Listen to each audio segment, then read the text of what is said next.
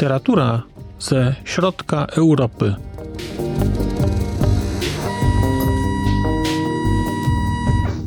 Podcast około książkowy.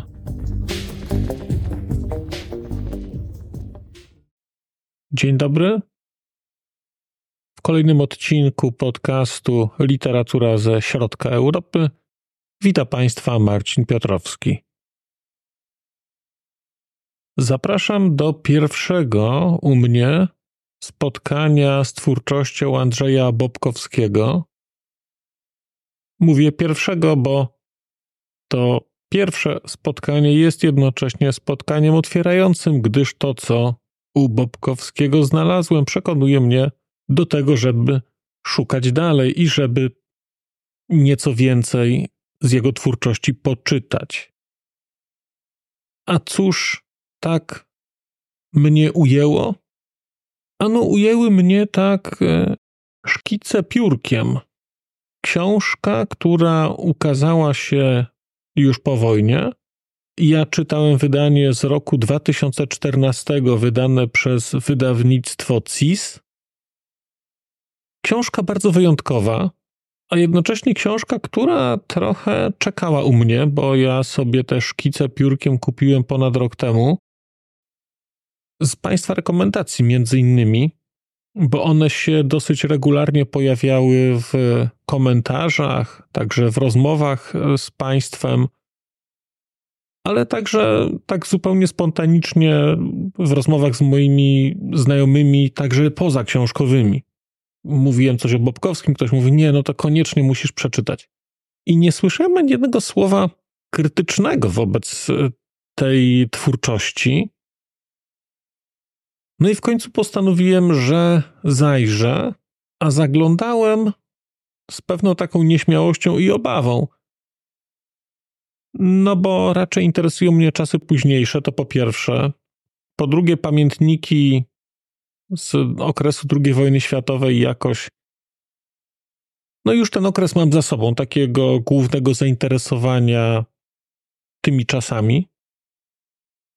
I zaczynałem z obawą, a tymczasem, no powiem szczerze, rozsmakowałem się w tym i ta książka sprawiła mi wielką radość, wielką przyjemność e, w czytaniu. Szkice piórkiem to są, tak jak wspomniałem, pamiętniki, to jest dziennik, rodzaj dziennika, pisanego przez Bobkowskiego w okupowanej Francji. Dlatego, że Bobkowski będąc ekonomistą, przed wojną jeszcze wyjechał do Francji, tam mieszkał i szkice piórkiem to są jego zapiski, które zaczynają się w momencie, kiedy Francja właściwie zaczyna przegrywać drugą wojnę. Czyli jest już po ataku Niemiec na Francję i właściwie pokazują okres takiego najpierw rozpadu państwa francuskiego, czyli tej no powiedziałbym, takiej mało chwalebnej francuskiej karty, czyli tego, jak sobie poczynali w 40 roku z Niemcami, pokazują później życie w okupowanym Paryżu.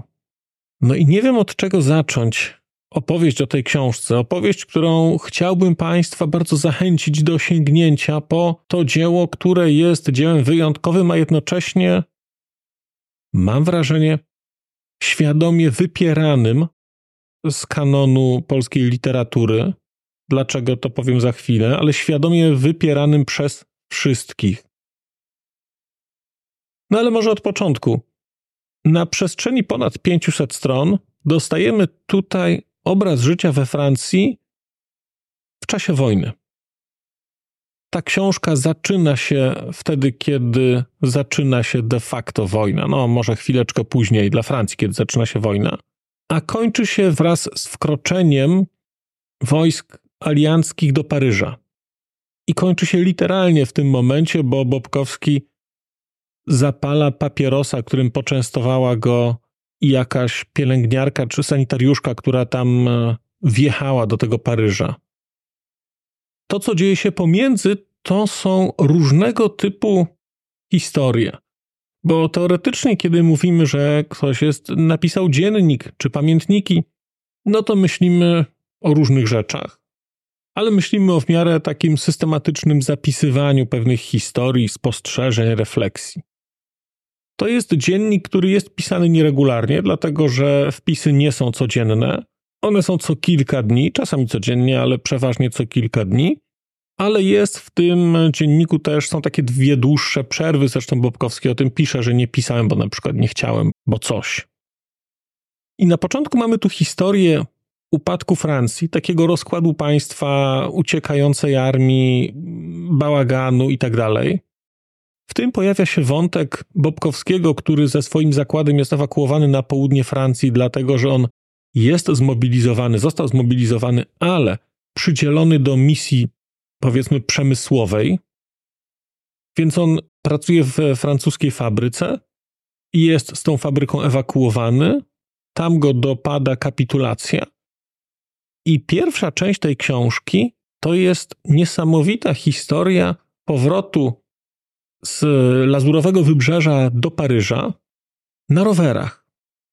I pierwsza część tej książki jest opowieścią, która wiele mówi o Francji, jak cała ta książka. Ta książka to jest zresztą wyznanie miłości do Francji wielkie. Ale jest opowieścią taką, powiedziałbym, rowerowo-podróżniczą.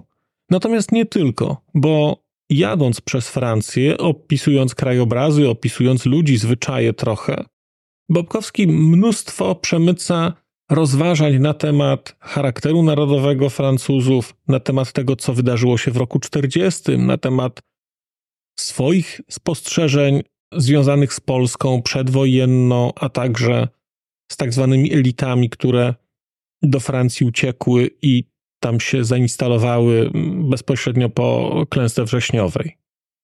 On później dociera do Paryża i zaczyna się inna część tego dziennika, inna część tego, tej opowieści, opowieść o życiu w okupowanym Paryżu. Mój obraz Francji w czasie II wojny światowej jest kształtowany głównie przez dwa filmy, przez, właściwie przez film i serial. Przez film Wielka Włóczęga i przez serial Alo Alo. No i czytając Bobkowskiego, y, odkryłem, że oba te seriale, czy oba te mm, dzieła nie bardzo odbiegają od rzeczywistości. Są oczywiście przerysowane, ale żeby jakoś znacząco, to chyba nie. Bobkowski pokazuje więc to życie w Paryżu. Życie w Paryżu, któremu wydaje się, że jest źle, ale tak naprawdę, no cóż, no wiedzą Państwo, jak wyglądało życie w miejscach, gdzie było źle. No a Paryżowi się tylko wydawało, że jest źle.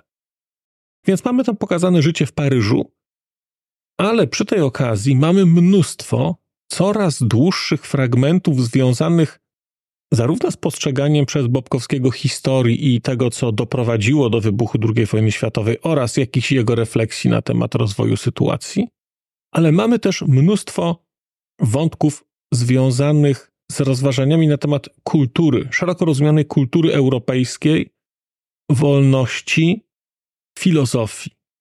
To wszystko podane jest bardzo sprawnie, bardzo delikatnie. To nie są traktaty filozoficzne, to są po prostu zapiski codzienne, gdzie co jakiś czas pojawiają się jakieś odniesienia do sytuacji ale te sytuacje skłaniają po prostu Bobkowskiego do spojrzenia na to z punktu widzenia nieco innego.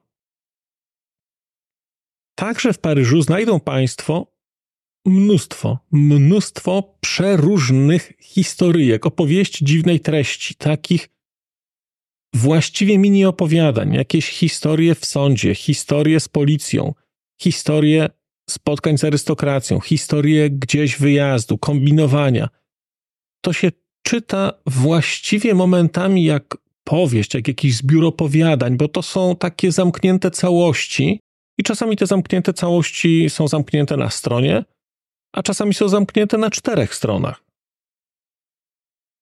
Osobną częścią książki są rozważania, nazwijmy to właśnie te filozoficzne, one filozoficzno, filozoficzno-kulturowe, i one się pojawiają gdzieś od połowy, i im głębiej w tej książce jesteśmy, tym więcej jest tego typu rozważań, rozważań na temat istoty kultury francuskiej, istoty kultury niemieckiej, konfliktu francusko-niemieckiego, tego, czym jest rosyjskość, czym jest niemieckość, czym jest polskość. To jest szalenie ciekawe, bo mamy tu ogląd Polaka, który mieszka we Francji, który funkcjonuje we francuskim kontekście, ale który czuje jakieś relacje, związki z Polską, utrzymuje, aczkolwiek w swoim spojrzeniu na Polskę jest bardzo krytyczny. Ale krytyczny nie nienawistnie, tylko krytyczny zdroworozsądkowo. Wrócę do tego za chwilę, na razie tylko zaznaczam. No i mamy jeszcze wątki, które były dla mnie też bardzo odkrywcze. Wątki związane z przewidywaniem przez Bobkowskiego przyszłości. Nie ma tu mowy oczywiście o takiej klasycznej predykcji, natomiast to, co on pisze w roku 41, 42, 43, jak będzie wyglądała przyszłość Europy, jak będzie wyglądała przyszłość świata, jest niesamowite, bo bardzo mocno antycypuje historie, które się wydarzą. Przewiduje, że Polska trafi do radzieckiej strefy wpływów i wprost gdzieś pisze, że uważa, że no co najmniej 50 lat tam będzie. Przewiduje konflikt między aliantami. Przewiduje istnienie dwóch bloków militarnych i to, że małe kraje będą podporządkowane większym i małe kraje nie będą w stanie same toczyć wojen. Rodzaj takiego trochę pokoju, ale takiego pokoju wymuszonego przewiduje.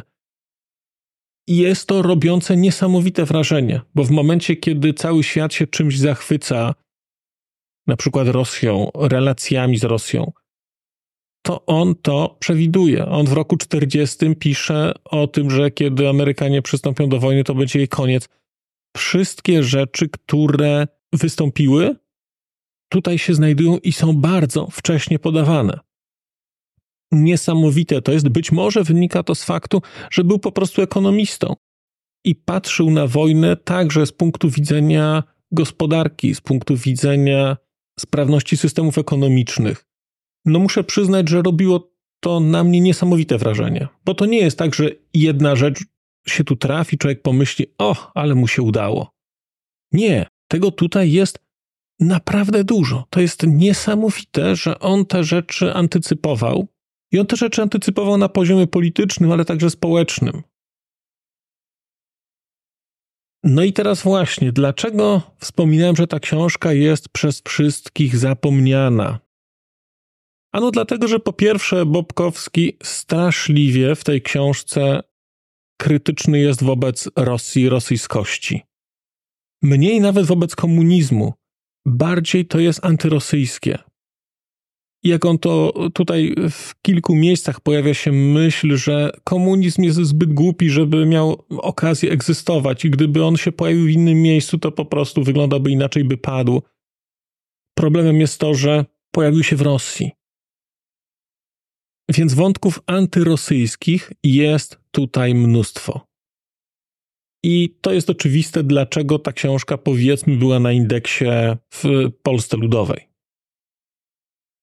Z drugiej strony mogła być, e, mogła na tym indeksie nie być, dlatego że spojrzenie na Polskę przedwojenną, na te tak zwane elity, na tak zwaną arystokrację, na cwaniactwo, na ustawianie się, na to, jak ci ludzie funkcjonowali we Francji, jak funkcjonowali przed wojną w Polsce. Jest też bardzo gorzkie i szalenie złośliwe, pięknie złośliwe. I mam wrażenie, że tutaj akurat PRL mógłby sobie wyciągnąć z tego historię, bo to jest bardzo takie prawdziwe i takie mało bogojczyźniane. I wydaje mi się też, że ten brak bogojczyźnianości, brak zachwycenia się polskością, rozumienia tego, chęci oddania życia za ojczyznę i tak dalej, że bardzo jasno komunikowane to przez Bobkowskiego, że to, że jest, urodził się w Polsce, to nie znaczy, że ma jakiekolwiek obowiązki wobec czegokolwiek. Po prostu mieszka tam, gdzie chce i będzie mieszkał tam, gdzie chce. I bardzo krytyczny ogląd polskości powoduje, że on jest nadal poza jakimś marginesem takiego myślenia o Polsce jako przedmurzu, Chrystusie, Winkeridzie, no, no wszystkiego tego, czym mamy faszerowane głowy e, w, przez całą szkołę, przez długie lata, także przez media tak zwane publiczne. Tutaj tego nie ma. Tu jest coś, co mi się zawsze marzyło, czyli taka bardzo zdroworozsądkowa refleksja na temat bezsensowności śmierci, na temat bezsensowności czasami oporu, niemyślenia, myślenia życzeniowego. Niesamowite to jest, bo nie spodziewałem się czegoś takiego. I mimo, że na początku są takie pojedyncze fragmenciki, to później składa się to na ogląd takiej osoby, która ukochała wolność i która jest po prostu racjonalna w swoich wyborach, która nie podlega uniesieniom jakimś ducha, która bardzo docenia Polskę, bardzo docenia Polaków. Ale on tu pięknie pisze, że Polacy to, co najlepszego mają, pokazują dopiero na emigracji. Pokazuje to w kontekście życia we Francji, tego, co polscy rolnicy czy polscy robotnicy, jak pracują, jak ustawiają się we Francji, jak powodują zazdrość Francuzów, a jednocześnie bardzo jasno też mówi Bobkowski, że kiedy Polacy są razem w Polsce, to wychodzi z tego. No cóż, sami Państwo wiecie, co wychodzi. Nie mam słów, żeby wyrazić, jak dobra jest ta książka. Ile tu jest dowcipu, ile tu jest e, cudownych opisów przyrody. No to jest coś pięknego. To jest coś pięknego. Na pewno Bobkowski się będzie u mnie pojawiał, bo mi się wydaje, że wziąłbym go sobie jako misję, trochę też propagowanie tej jego twórczości i przywrócenie, nawet na ile mogę, pamięci o tym człowieku, o tym pisarstwie, bo to jest coś bardzo wyjątkowego i na poziomie literackim, ale także na poziomie myślenia o tym, czym jest Polska, czym jest kultura, co się daje w ramach kultury do świata, co się bierze. W ogóle u nas nie ma takiego myślenia. Więc nie dziwi mnie, że ta książka jest zapomniana, bo po prostu nie wiem, czy dojrzeliśmy do takiego oglądu rzeczywistości. Ja miałem też bardzo smutną refleksję tutaj, kiedy czytałem tę książkę i zdecydowanie e, tam Bobkowski pokazuje cywilizację francuską, cywilizację niemiecką. Ja po raz kolejny odkryłem, że ja jednak byłbym dobrym Niemcem i no, chyba nadal jestem.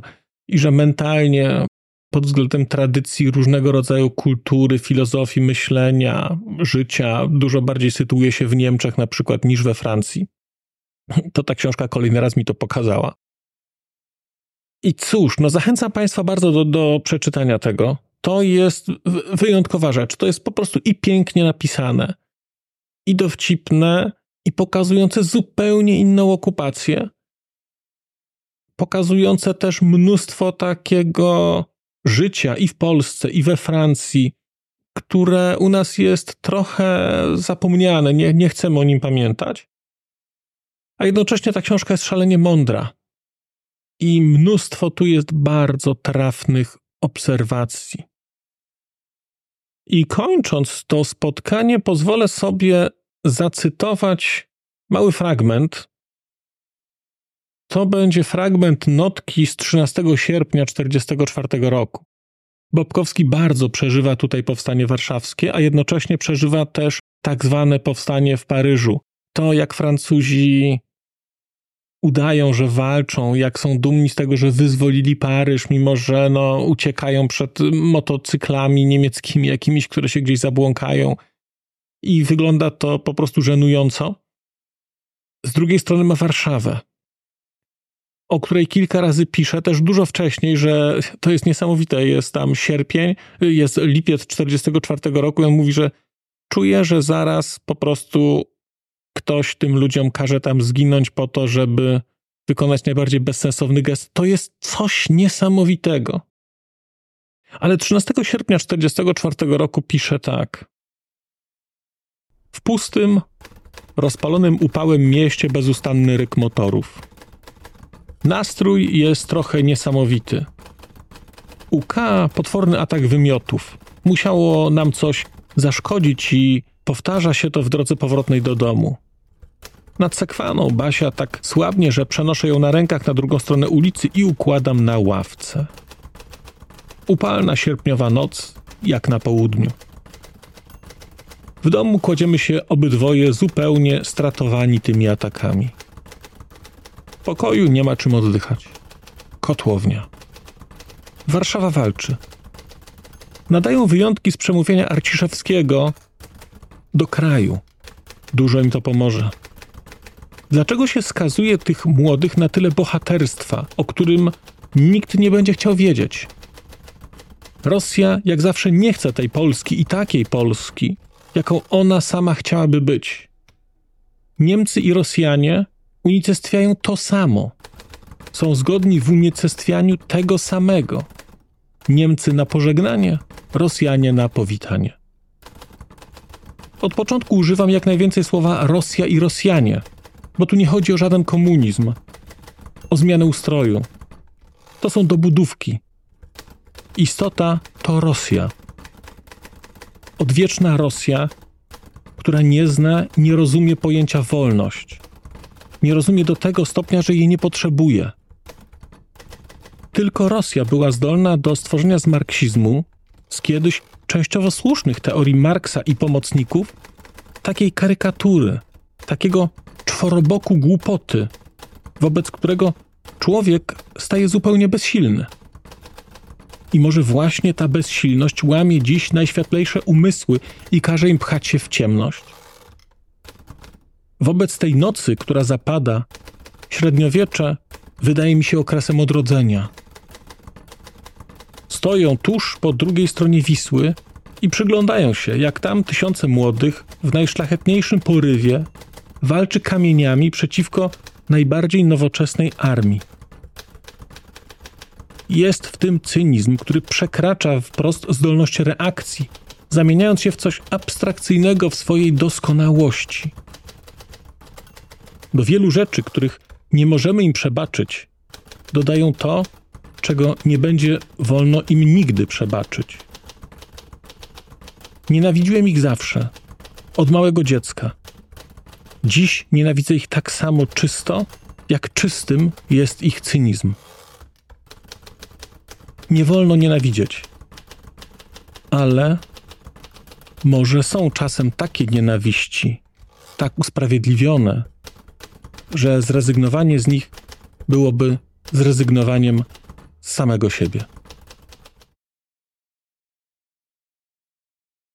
Dziękuję Państwu. Do usłyszenia.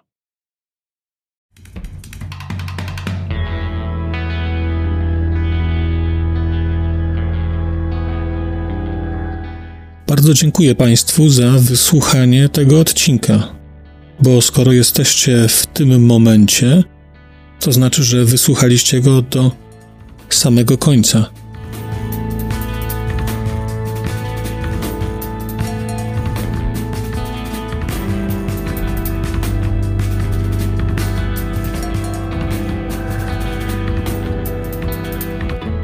Słuchaczy platform podcastowych chciałem zaprosić na kanał na YouTubie, gdzie znajdziecie Państwo te same treści, ale dzięki modułowi komentarzy będziecie mogli wejść w interakcję z innymi słuchaczami tego podcastu i dzielić się swoimi spostrzeżeniami dotyczącymi książek, ale nie tylko.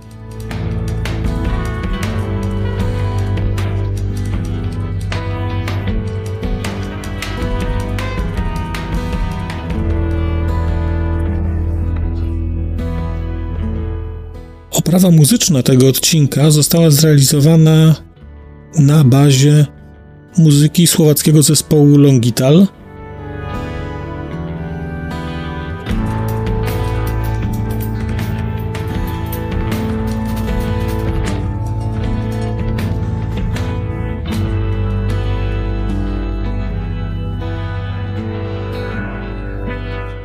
Longital to Wspaniała słowacka grupa, której muzyka jest dla mnie kwintesencją nowoczesnego brzmienia Europy Środkowej.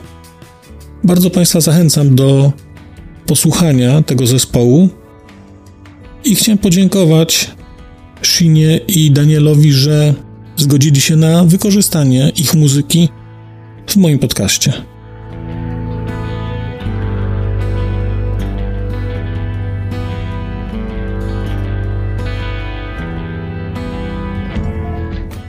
Sino a Daniel, Ďakujeme vám veľmi pekne, že ste nám umožnili použiť vašu hudbu.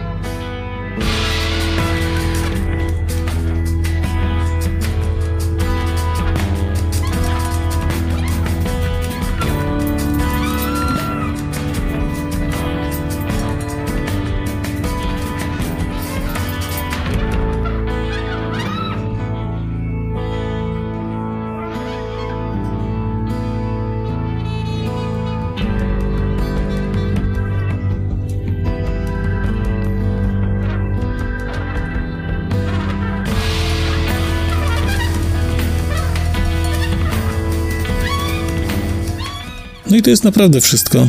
Dziękuję i do usłyszenia.